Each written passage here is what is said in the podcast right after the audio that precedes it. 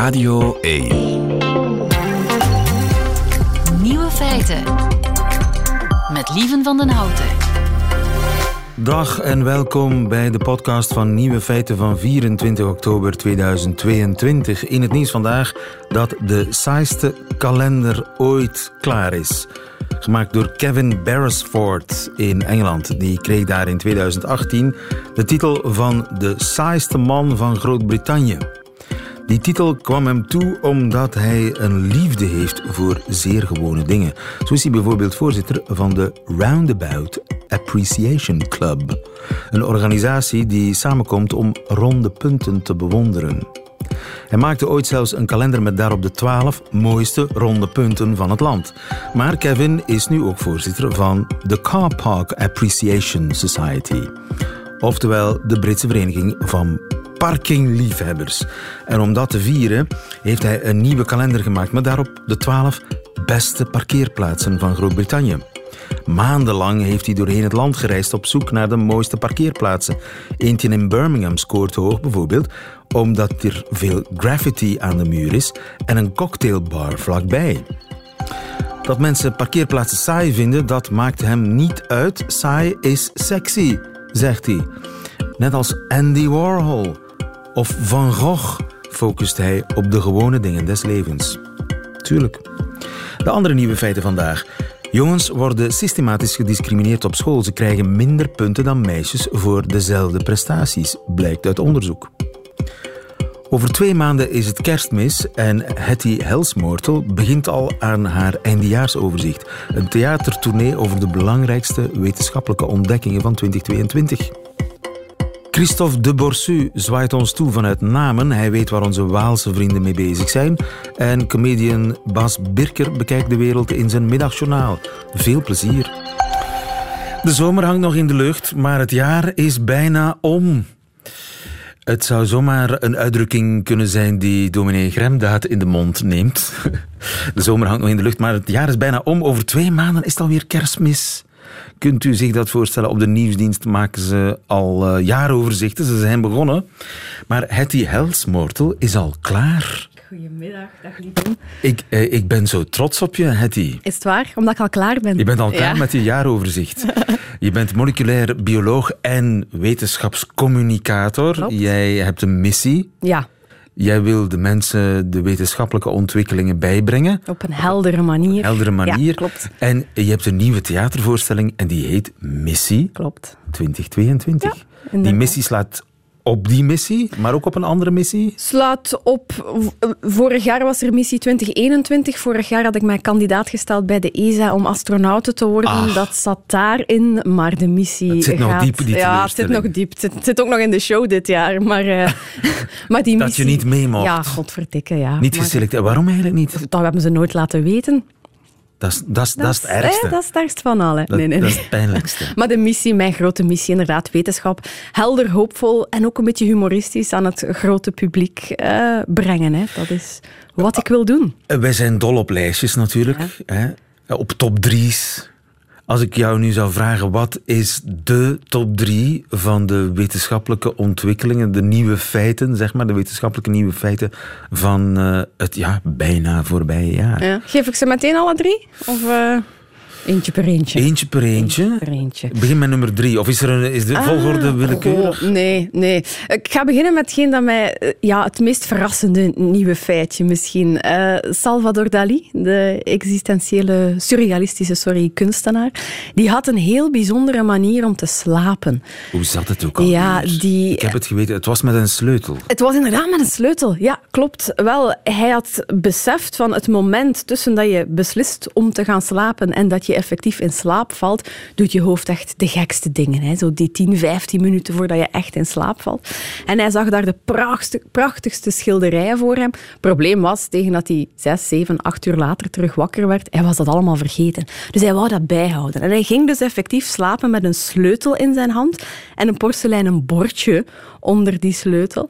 Op het moment dat hij effectief in slaap viel, loste die spierspanning, die sleutel viel, dat bord kletste kapot, hij schrok weer wakker en zo kon hij, wat hij net die 10, 15 minuten daarvoor had bedacht of gezien, kon hij zich dat opnieuw herinneren. Hij ging aan het werk en hij zette de meest fantastische schilderijen Dat is dus op het doek. Dali, maar de wetenschap heeft dat onderzocht. Exact. Wat Dali in zijn buik al voelde, ik word daar creatiever van, heeft de wetenschap in 2022 onderzocht. En effectief, het klopt. Hè. Ze hebben mensen een, een wiskundig probleem voorgelegd. Eén groep mocht gewoon gaan slapen, andere groep moest op die manier gaan slapen. Na die slaap moesten zij opnieuw dat wiskundig probleem aanpakken. En die ene groep bleek veel creatiever, veel efficiënter, veel sneller om dat wiskundig raadsel op te lossen. Ja. En dat is ook de reden waarom als ik bijvoorbeeld op de trein zit, dan dommel ik vrij makkelijk even weg. Oké. Eén minuutje. Ja. Maar daarna voel ik me zo helder en opgefrist. En creatief. Is dat hetzelfde? Ja, wel, het, is, het is net iets langer dat je nodig hebt, maar wie weet, inderdaad. Dus je mag net, net, net niet in die diepe slaap terechtkomen, maar alles daarvoor is... eh, ja, dat is zo'n een, ja, state of consciousness, waar dat je nog half bewust bent, maar ook dingen al wat durft loslaten en dan verschijnen blijkbaar de meest creatieve ideeën. En dat heeft met remmingen te maken die wegvallen? Ja, voor een stuk wel. Hè. In uw brein, je blijft nog voor een stuk geassocieerd met de werkelijkheid, maar uw brein is ook al in staat om losse verbindingen te maken die er anders misschien inderdaad niet zouden zijn. En eh, op die manier, ja. Dat is jouw, eh, een van de ontwikkelingen, een van de onderzoeksresultaten van het voorbije jaar. Zit in mijn show en vond ik wel, vind ik heel leuk, omdat dat wetenschap met kunst verenigt. En dat is een beetje wat ik daar op het podium ook sta te doen. Dus dat is, ik vind dat wel een hele fijne. Ja, Ja. Dali had gelijk, zeg. Kijk eens aan. Ja. Dat is eh, nummer drie. Mhm. Wat is nummer twee? Goh, ik zou durven gaan voor de James Webb-telescoop. We hebben eh, ja, de krachtigste en grootste ruimtetelescoop Juist, ja. ooit de ruimte ingestuurd. De opvolger van Hubble. de bijziend geworden Hubble. Ja, Hubble blijft nog in, in werking, hè, maar James Webb is daar nu bijgekomen. En de beelden die die telescoop de voorbije maanden naar ons heeft, ons heeft doorgestuurd, dat is van zo'n ongelooflijke kwaliteit, zo'n scherpte, zo'n diepte. En net twee weken geleden werd bekend dat op de allereerste foto die James Webb naar ons heeft doorgestuurd, dat daar het oudste licht ooit op staat. Dat is licht dat 9 miljard jaar geleden ooit is uitgestuurd door een sterrenstelsel en nu dus op die telescoop beland is. Maar je moet je inbeelden, ons eigen zonnestelsel bestaat nog maar 4,5 miljard jaar. Dus daar staat licht op dat dubbel, Ouder is dan de zon. dat dubbel zo oud is als de zon en dat toen vertrokken is. En ja, dat maakt alles wat wij zijn toch heel relatief, maar Ja. ook heel mooi, vind Wa- ik. waar ik altijd een beetje nerveus van word en lichte hoofdpijn van krijg, is dat je dus in de ruimte kijkt, maar ook in de tijd. Ja, exact. Je Dus kijkt terug je, in de tijd. Je ziet eigenlijk 9 miljard jaar geleden. Ja. De werkelijkheid van 9 miljard jaar geleden. En het zotte is, als wij willen weten hoe dat er nu uitziet, die plek op die foto, moeten we dus inderdaad, wat Nog jij 9 zegt... miljard nog jaar negen- wa- Maar dan zijn wij hier al lang niet meer. Hè? De zon, het zonnestelsel zit ongeveer in de helft van zijn levensduur, dus we hebben ongeveer nog 4,5 miljard jaar te gaan. Dan Ja. zal de zon opgebrand zijn, zullen wij waarschijnlijk... Allee, de aarde dan, wij zullen er waarschijnlijk misschien al niet meer zijn, maar de aarde zal mee verdwijnen en dat is zo... Maar betekent dat ook als je maar ver genoeg kunt kijken, dat je eigenlijk de Big Bang zou kunnen zien? Ja, en dat is echt waar James Webb naar op zoek wil gaan. Hè. Die wil op zoek naar de kosmische dageraad. Ik vind dat een fantastische twee woorden, maar dat is het licht van de allereerste sterren en de allereerste sterrenstelsel dat sterrenstelsels dat ooit zou uitgezonden zijn, heel kort na die Big Bang. En dat is, ja, dat is toch wel spectaculair als en dat er... hoeveel miljard jaar moeten we daar nog op wachten? Eh, ja, dat is een goede vraag. Eh, misschien, misschien komt het volgend jaar al, wie weet. Echt? Ja, de- allee, de data. Hij hij stuurt nu foto's door die mind-blowing zijn, maar de data die naar wetenschappers gaan, daar hoor ik ook van. De dag dat die volledig geanalyseerd zullen worden, allee, daar zullen dingen uitkomen die... Maar fijn, hè, als maar scherper kunnen ja, zien. ja, altijd heel fijn. Ja. Dat is dus eh, nummer twee. Hm. Nummer één. Ja, ik ga toch kiezen voor iets vrij dicht bij mijn oud vakgebied. Ik ben moleculair bioloog. Ze zijn erin geslaagd om synthetische embryo's te maken zonder gebruik van zaadcellen of eicellen. Kunstmatige Ja. embryo's waar geen ei en geen zaad aan te pas is gekomen. Alles wat wij ooit dachten te weten over de verwekking en het begin van het leven, namelijk daar is een eicel en een zaadcel voor, toch bij, bij ons en bij zoogdieren. Ehm, ja, dat staat sinds 2022 op zijn kop. Maar het is geen mensje, hè? Het, is, een, muisje. een muisje. Het is een muisje. Maar ze willen het ook gaan doen met mensen. Maar is het dan klonen?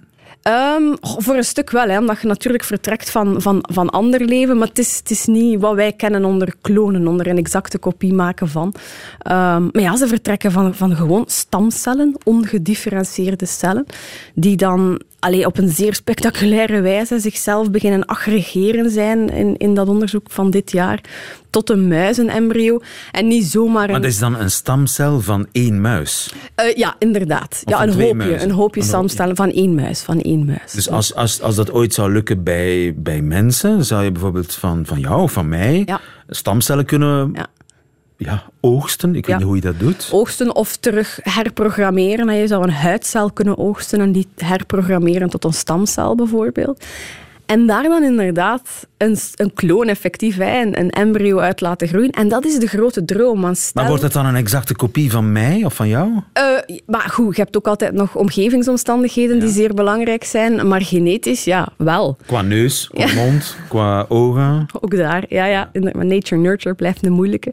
Maar dat is wel de grote droom. Hè. Dat is eigenlijk een nieuwe kloontechniek. Ja, maar stel dat jij liever ooit een, een, een, pancreas zou nodig hebben en er is geen donor voorhanden of zo. De grote droom is, aha, we nemen een beetje stamcellen, we laten dat uitgroeien tot een klein embryootje, we halen daar die pancreas uit en we transplanteren die in jou. En die is exact gemaakt van jouw cellen, dus er zal geen afstoting zijn. En dus een embryonale pancreas zou je dan bij mij kunnen inbrengen en daar zou die dan kunnen uitgroeien tot een volwassen pancreas? Of je laat die in het labo nog een beetje verder opgroeien tot een te transplanteren orgaan. Met het grote voordeel, geen afstoting, want dat zijn cellen van jou. Ja, dat, zijn, dat is een fantastisch eh, voordeel.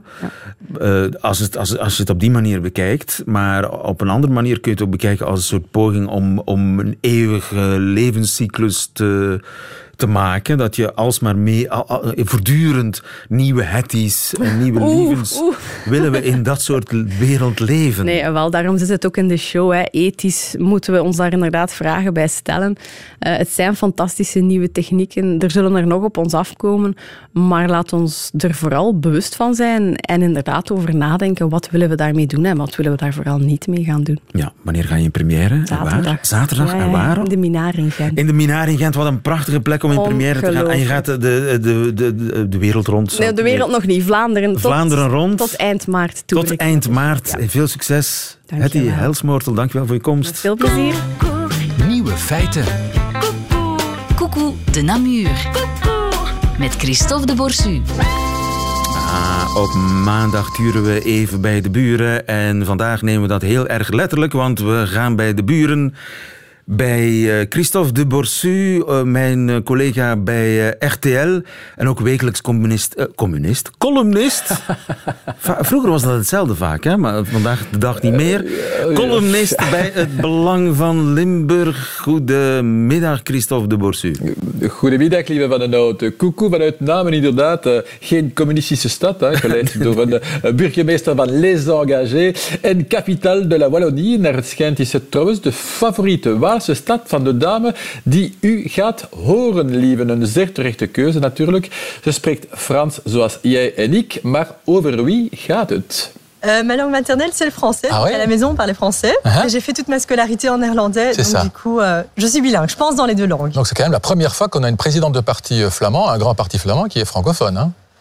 Uh, oui, bah, je m'identifie vraiment en tant que bilingue. Hein. Mm -hmm. Aan haar stem te horen is het de vraag over haar moedertaal een beetje delicaat. Hè? Maar wie is dus die Vlaamse partijvoorzitter, die ook Franstalig is, lieve? Een tip, ze woont in Molenbeek. Volgens mij heb ik haar stem zelfs herkend. En ze zegt ah. dat ze perfect tweetalig is. Dat is dus ook zo. Ze, ze, ze, ze, zegt niet ja op de vraag of ze eigenlijk Franstalig is. Maar mm -hmm. het is de co-voorzitter van Groen. Absoluut. Naast de, hoe heet die West-Vlaamse meneer ook alweer? Jeremy, Jeremy van Eekhout, denk ik. Ja, absoluut. En zij heet Nadja. Nadja, Na, Nadja Naji? Naji, dat is Na, perfect Nadja Naji? Ja, ja, Naji zeggen we in het Frans. Ja, misschien is het anders in het Nederlands, maar het is perfect geantwoord, lieven. Bravo is trouwens een andere Vlaamse partijvoorzitter die even Franstalig is. Hè? Sami Medi van de CD&V, ook opgegroeid in het Brusselse met een Iraakse vader die hem Frans sprak en een Vlaamse moeder. Wat is dan de taal van het hart van Sami? Delicate vraag. Hier is het antwoord alweer in het programma C'est pas tous les jours dimanche op RTL op het einde van een minuut interview. Vandaar de achtergrondmuziek. Okay, vous vous sentez plus flamand ou plus belge?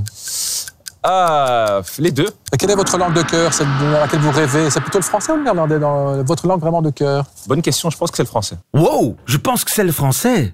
Ja, waar. Dus ja, de voorzitter van de CD&V, Sami Medi, antwoordt op de vraag wat is de taal van uw hart?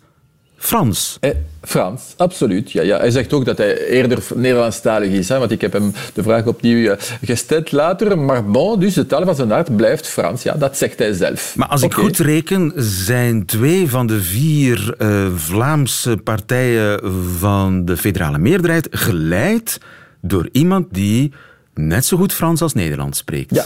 Absoluut, absoluut. En het zou kunnen bijdragen, zou je kunnen denken, tot uh, een vreedzamer België. Uh, ja, ja, dat ja. is natuurlijk een veronderstelling. Dream maar dat on. Is niet, ja, voilà.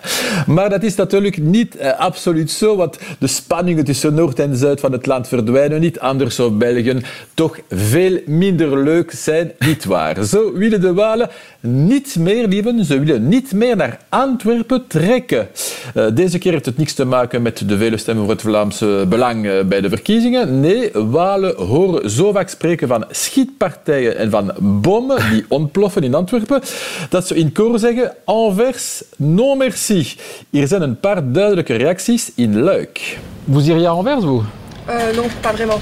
Pourquoi euh... Bref, voilà, si j'y vais et qu'il y a un fou qui me tire dessus ou euh, il fait péter quelque chose et que je suis dedans, bah, j'ai quand même un enfant quand même derrière. Est-ce que vous oseriez encore aller à Anvers aujourd'hui, vous? Moi non.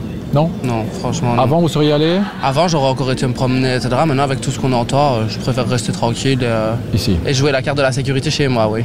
Est-ce que vous oseriez encore aller à Anvers, vous? Oui, avec méfiance quand même. En étant sur mes gardes et regarder ce qui se passe devant et derrière et sur les côtés. Est-ce que vous oseriez encore aller à Anvers, vous? Non, non, pas surtout pas. Vraiment pas? Ah non, vraiment C'est le cri pas. du cœur. Bah, le cri du cœur, vraiment pas. Ouais. On tient encore à notre vie. ze zijn hun leven nog niet beu in Luik. En daarom gaan ze niet naar Antwerpen, want daar is het levensgevaarlijk. Absoluut, dat, dat, dat vinden ze. Dus ik heb niemand anders uh, gevonden. Hè. Dus iedereen uh, vindt dat in Luik. Maar ik was er zelfs gisteravond met mijn vrouw hè, om een lekkere petrusrood te Durf drinken. jij dat? Ja, ja, op het uh, Regine Beerplein. Fantastische plek. En ik heb nog bommen, nog pistolen gezien. En ik was niet eens in de wind, lieve. Dus ja, nee, nee, geen probleem. Een ander pijnpunt is natuurlijk ook de schrapping van de woonbonus Ja, voor het tweede ja, ja. verblijf. Die beslist is door de regering De Croo. Dat lijkt een hele technische kwestie, maar heeft grote gevolgen voor de Ardennen, hè, Christophe? Absoluut, lieve. Die woonbonus is een fiscaal voordeel. Met zijn verdwijning op 31 december 2023 rest er maar een goed jaar om een fiscaal interessante stek in de Ardennen te gaan kopen. De gegadigden zijn meestal Vlamingen, die er ook vaak een gite van maken. Dat groeiend aantal Vlaamse gites in de Ardennen zorgt voor spanningen met de lokale bevolking. In Weris bij Durbuy heb ik de enige thuisverpleegster van het dorp ontmoet. Er zijn te veel Vlaamse toeristen, ze. Ze maken te veel lawaai. Ze gaat daarom verhuizen. Vous dormez bien euh, le week-end? Non, non, en plus euh, je travaille tôt le matin, donc du coup, euh, êtes même si c'est le week-end, oui. Et donc c'est un peu compliqué? Non, c'est compliqué, oui. Vous êtes réveillé la nuit euh, Oui, oui, très souvent. Par quoi? Bah, les bruits euh, dans la rue.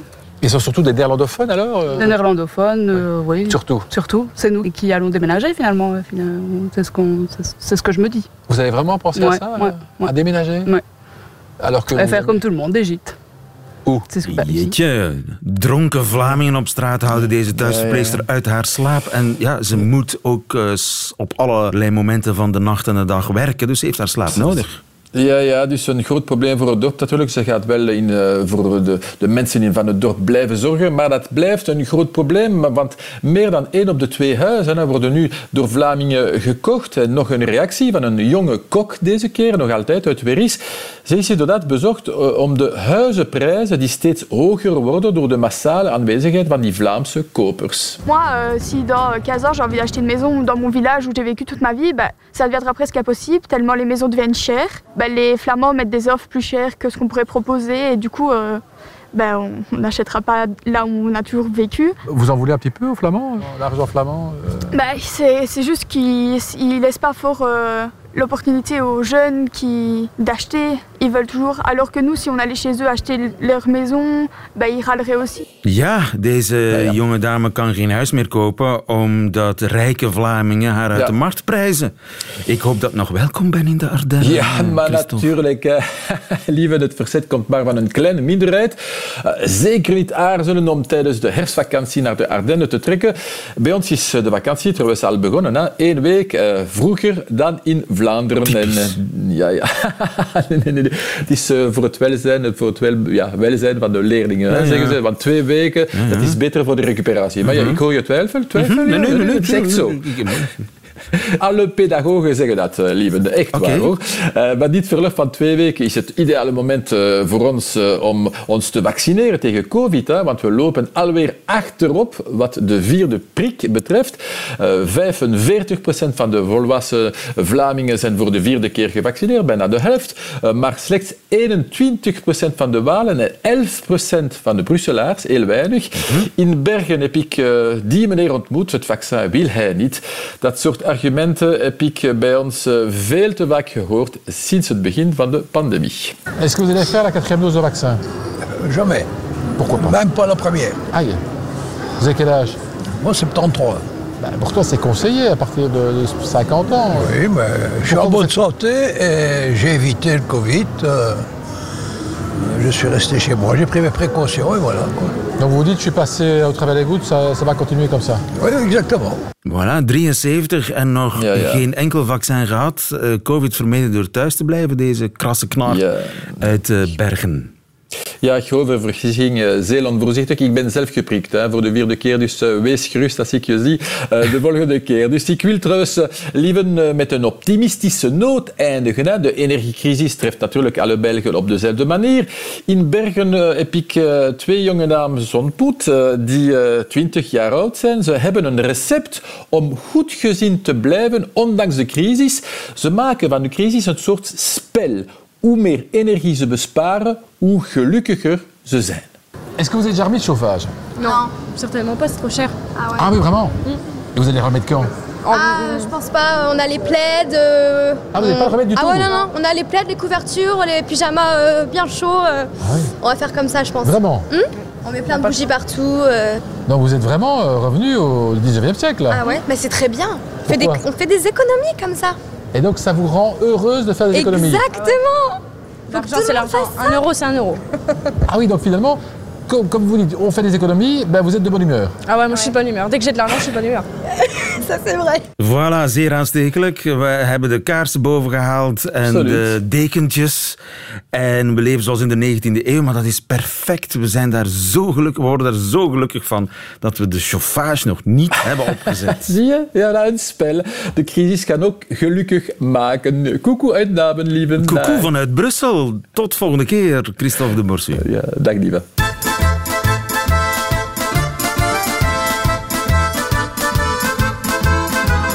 Nieuwe feiten. Jongens worden gediscrimineerd op school. Meisjes die niet beter zijn, krijgen toch meer punten. Tenminste voor wiskunde. Pedro de Bruikere, goedemiddag. Een goedemiddag, lieven. Pedagoog van de Artevelde Hogeschool en de Universiteit van Leiden. De Artevelde Hogeschool in Gent natuurlijk. Dat moet blijken uit onderzoek in Italië bij 40.000 leerlingen van ongeveer 16 jaar. Dat is een pak, hè? Dat klopt, een hele grote groep. Het was net geen 39.000. En wat heeft men gedaan? Iets heel slim in feite. Ze hebben daar al centraal examens, gestandaardiseerde tekst, uh, testen voor uh, taal, voor rekenen. En men heeft die vergeleken met de punten die de leerkrachten zelf geven aan diezelfde leerlingen. Alright. En als je dan kijkt naar de gestandardiseerde testen, dan zie je dat meisjes beter scoren dan jongens op taal. En dat valt op, maar dat valt in heel veel onderzoeken op. En dat jongens beter scoren, terug op de gestandardiseerde testen, voor wiskunde beter dan meisjes. Juist. Maar als we dan gaan kijken naar de punten die de leerkrachten geven aan diezelfde jongeren, wat merken ze dan? Dat voor taal ongeveer over de hele lijn, ongeacht of je nu sterk bent of wat minder goed bent in taal, dan scoren meisjes per definitie 0,4 punten beter dan hun mannelijke tegenhangers. Ja. Maar nog pijnlijker wordt het als we naar rekenen gaan kijken. Want bij rekenen zien we dus in de standaardtesten, de centrale examens, dat jongens het beter doen dan meisjes. Maar als we kijken naar de punten die de leerkrachten geven, wordt dat omgekeerd. Daar is dus de kloof nog veel groter. Daar zien we dus dat per definitie de meisjes gemiddeld beter scoren dan de jongens, terwijl dat, dat in feite niet zo zou mogen zijn als we kijken naar de standaardexamens. Dus uh, samengevat, het centrale staatsexamen zegt meisjes zijn beter in taal, jongens zijn beter in wiskunde. Het klasexamen zegt meisjes zijn beter in taal en in wiskunde. Klopt. En nog veel beter dan dat ze anders zouden geweest zijn voor taal en voor zeker voor wiskunde. Ja. Dus, dus... Uh, conclusie, de leraar of de lerares bekijkt in de klas meisjes door een roze bril. Uh, dat, is een, dat is heel mooi gezegd en dat verbaast niet helemaal. Zeker voor wiskunde. Ook zelfs voor taal, maar zeker voor, voor wiskunde. Klopt. Nu, we hebben dit al eerder gezien. In eerdere onderzoek op basis van uh, PISA-data, u weet dat onderzoek van de OES dat om de drie jaar, bij 15 jaar gebeurt, heeft men ook al gemerkt dat daar waarschijnlijk een vertekening zat. Aha, en dus het is niet typisch Italië, want dat is natuurlijk wat ik zat te denken, dat is typisch Italië. Hè? La donna nee. enzovoort, en het meisje. En nee, och, toch niet. niet slecht voor een meisje, die wiskunde, dus een puntje erbij. Nee, nu, er zijn een paar mogelijke verklaringen. Uh, het kan, een verklaring die je vaak hoort, heeft dat het te maken heeft met verwachtingen. Namelijk dat men in feite van jongens sowieso ietsje minder verwacht en van meisjes iets meer verwacht en dat die verwachting in het punt mm, ja, doorweegt. Uh, wat zien we ook? Ja, jongens die kunnen soms wel wat luidruchtiger zijn. En misschien ligt het daaraan, want wat ook wel opvalt, um, de fout gebeurt meer als er grotere klasgroepen zijn. En als je dan wat een drukkere klas hebt en jongens zijn wat meer drukker, ja, dat kan misschien ook meespelen. Wat niet meespeelt, en dat is misschien iets dat zal verbazen, is het geslacht van de leerkracht. Aha. Dus die, zowel mannelijke als vrouwelijke leerkrachten maken blijkbaar die inschattingsfout. Juist, ja. Dus het is niet zo dat het typisch is, iets is voor mannelijke leerkrachten, om dan de, de, vrouw, de vrouwelijke leerlingen een, een beetje extra van punten te voorzien, of zelfs van uh, vrouwelijke leerkrachten om te zeggen van dat meisje, we moeten haar extra steunen. Dat, uh, eigenlijk mannen, vrouwen, dat maakt niet uit die voor de klas staan. Nee, wat ze wel gezien hebben, maar dat, dat gold zowel voor jongens als meisjes, dat oudere leerkrachten sowieso lagere punten gaven. Vond ik ook wel interessant. Ah, maar ja? terug naar het onderwerp. Ja, ja dus de, de, oude, de oude leraar is strenger. Ja, dat bleek uit het onderzoek ook. Ja. Maar terug naar het genderverschil. Er kan ook nog een andere mogelijke verklaring zijn. Namelijk, um, doorheen de tijd hebben we dat ook een stukje zien evolueren. En uh, bepaalde wetenschappers zeggen dat vandaag het onderwijs meertalig geworden is in alle vakken en dat meer samenwerken belangrijk is. En het kan dus ook zijn dat de punten die de leerkrachten zelf geven, dat daar bijvoorbeeld meer groepswerk in zat. Mhm. En we weten dat, dat, ja, dat samenwerken, dat daar meisjes soms ook een voordeel kunnen van hebben. Dus het kan, niet, het kan zijn dat het komt omdat de leerkrachten zich een stukje ja, mispakken of een stukje vooroordeel laten doorwegen in de beoordeling. Het kan natuurlijk ook zijn door de manier van welke soorten toetsen of welke soort taken gegeven wordt. Kan ook een mogelijke verklaring zijn voor die vertekening. Ja, maar moeten we dat nu erg vinden? Want eigenlijk ja, is het toch discriminatie. Hè? In dit geval van jongens die gediscrimineerd worden, die, die minder punten krijgen, dan mochten ze een meisje zijn geweest. Wel, voor ze allemaal beginnen aan een operatie denken, denk ik dat het misschien heel interessant is nee, dat, om daar effectief... Ja, nee, nee. Let's not go there. daar gaat het niet over. Nee, dat klopt. Maar als we even gaan kijken naar, naar dit verhaal, ik denk dat het wel belangrijk is, en we hebben daar ook in Vlaanderen, onder andere Elske Zwegra van de VUB, hij heeft al echt werk gemaakt van leerkrachten te helpen stil te staan bij bepaalde vooroordelen, om die verwachtingen een stukje ja, te counteren en daar u bewust van te zijn. ik denk dat dat wel belangrijk is, want uh, je hoort op veel plaatsen dat we het hebben over een jongensprobleem. Wat betekent dit? We merken dat bijvoorbeeld jongens minder doorstromen naar het hoger onderwijs. We merken dat in het algemeen die punten van jongens soms lager moeten zijn. En dan is het wel handig om zo een objectieve, of toch een meer objectieve toets te hebben, die toont van dat dat niet altijd zo terecht is. En op die manier, door daar bewust van te worden, kunnen we dat hopelijk wat counteren. Ja. Een andere oplossing zou kunnen zijn uh, die, die klassikale examens afschaffen en alle examens centraliseren. Alleen nog centraal georganiseerde staatsexamens, bij wijze van spreken.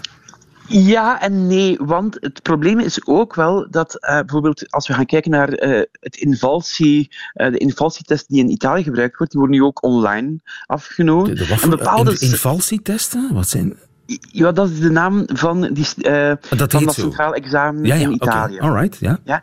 Maar die worden nu ook gewoon online afgenomen. En online kan je bepaalde dingen ja, gemakkelijk bevragen, maar andere, bijvoorbeeld spreekoefeningen, worden al een heel pak moeilijker. Vrij vertaald, je kan niet alles zomaar in zo'n centraal examen zetten. Dus dat is dus ik niet vrees, de oplossing. Dat is niet de oplossing. Maar goed, een stap 1 naar een oplossing is dat we ons daarvan uh, van bewust zijn en dat de leraar en de lerares zich daarvan bewust is dat uh, het eigenlijk systematisch gebeurt en voorvalt dat jongens ondergewaardeerd worden en meisjes overgewaardeerd. Of ja, het is maar zoals je het bekijkt. In ieder geval, uh, er is sprake van een zekere discriminatie, blijkt uit onderzoek in Italië. Bevestigd door Pedro de Bruiker. Dankjewel Pedro, helder, tot een volgende keer. Tot de volgende keer. En voilà, dat waren ze, de nieuwe feiten van vandaag, 24 oktober 2022. Alleen nog die van Bas Birker, die krijgt u nu in zijn middagjournaal. Nieuwe feiten. Middagjournaal. Liefste landgenoten. Dierenrechtenorganisatie Gaia vierde gisteren haar 30-jarig bestaan. Met de nadruk op haar. Want waarschijnlijk was het redelijk onopgemerkt voorbij gegaan als prins Laurent niet was verschenen in een trui gemaakt van hondenhaar. Een kooltrui zelfs. Of een collietrui, zo je wil, gemaakt van labradons. Zelden wierp één enkel beeld meer vragen bij me op dan dat van de prins in een veel te grote grijze trui waarvan je kon zien hoe die rook. Na de onderzoek leerden we dat Laurent het breiwerk vrijdag had opgehaald in Haspengouw en dat het onderdeel was van een weddenschap. De prins had zich tijdens een eerder bezoek laten ontvallen dat hij graag een trui wilde van bobtailhaar. Ik weet niet of de verantwoordelijke redacteur snapt wat een weddenschap is, maar dit is het in ieder geval niet. Bij een weddenschap wordt er gegokt op een mogelijke uitkomst. Bijvoorbeeld, volgens mij gaat Anderlecht om 10 uur de trainer ontslaan. Volgens mij om 11. Wedden om een doos vuurpijlen? Als de prins zegt dat hij een trui wil en iemand maakt die trui, dan lijkt me dat gewoon een bestelling bij de woefleverancier. Toch ging mijn interesse niet uit naar de reden, vorm of kleur van het mopsbond, maar naar het gewicht van 3 kilo. Ik vind dat veel. Een mensenhaar weegt 0,2 à 0,4 milligram. Laten we stellen dat een bobtailhaar het midden houdt. Dan zitten er in die trui 10 miljoen. En hoe kom je aan 10 miljoen als je geen lid bent van het Koningshuis? Ik zie drie mogelijke scenario's. 1. Ergens in Haspengouw loopt een kale bobtail rond maar daar ga je problemen mee krijgen. 2. In de regionale bobtailgemeenschap hebben leden wekenlang een hond gekant en de haren bezorgd aan de spinster van dienst. Nogal een organisatie, maar het kan natuurlijk. 3. De breister heeft veel honden, maar geen stofzuiger. En derhalve komt de trui uit een redelijk tot zeer onhygiënische omgeving. Ik acht het dan ook redelijk waarschijnlijk dat de broer van de koning gisteren geposeerd heeft in een trui vol parasieten. Soms is het zo jammer dat er geen geluid zit bij een foto. Ik zou zweren dat ik republikein en minister Ben Weitz tegen de prins zie zeggen... Allee jong, een trui vol beestjes die leven over de rug van anderen. Gedragen door een man die exact hetzelfde doet. Geloof me, ergens in Haspengouw lacht een dame in haar vuistje... terwijl ze breinaalden steekt in een pop van de prins... en het dorp voorleest uit de nieuwe kleren van de keizer. Een tackle van formaat.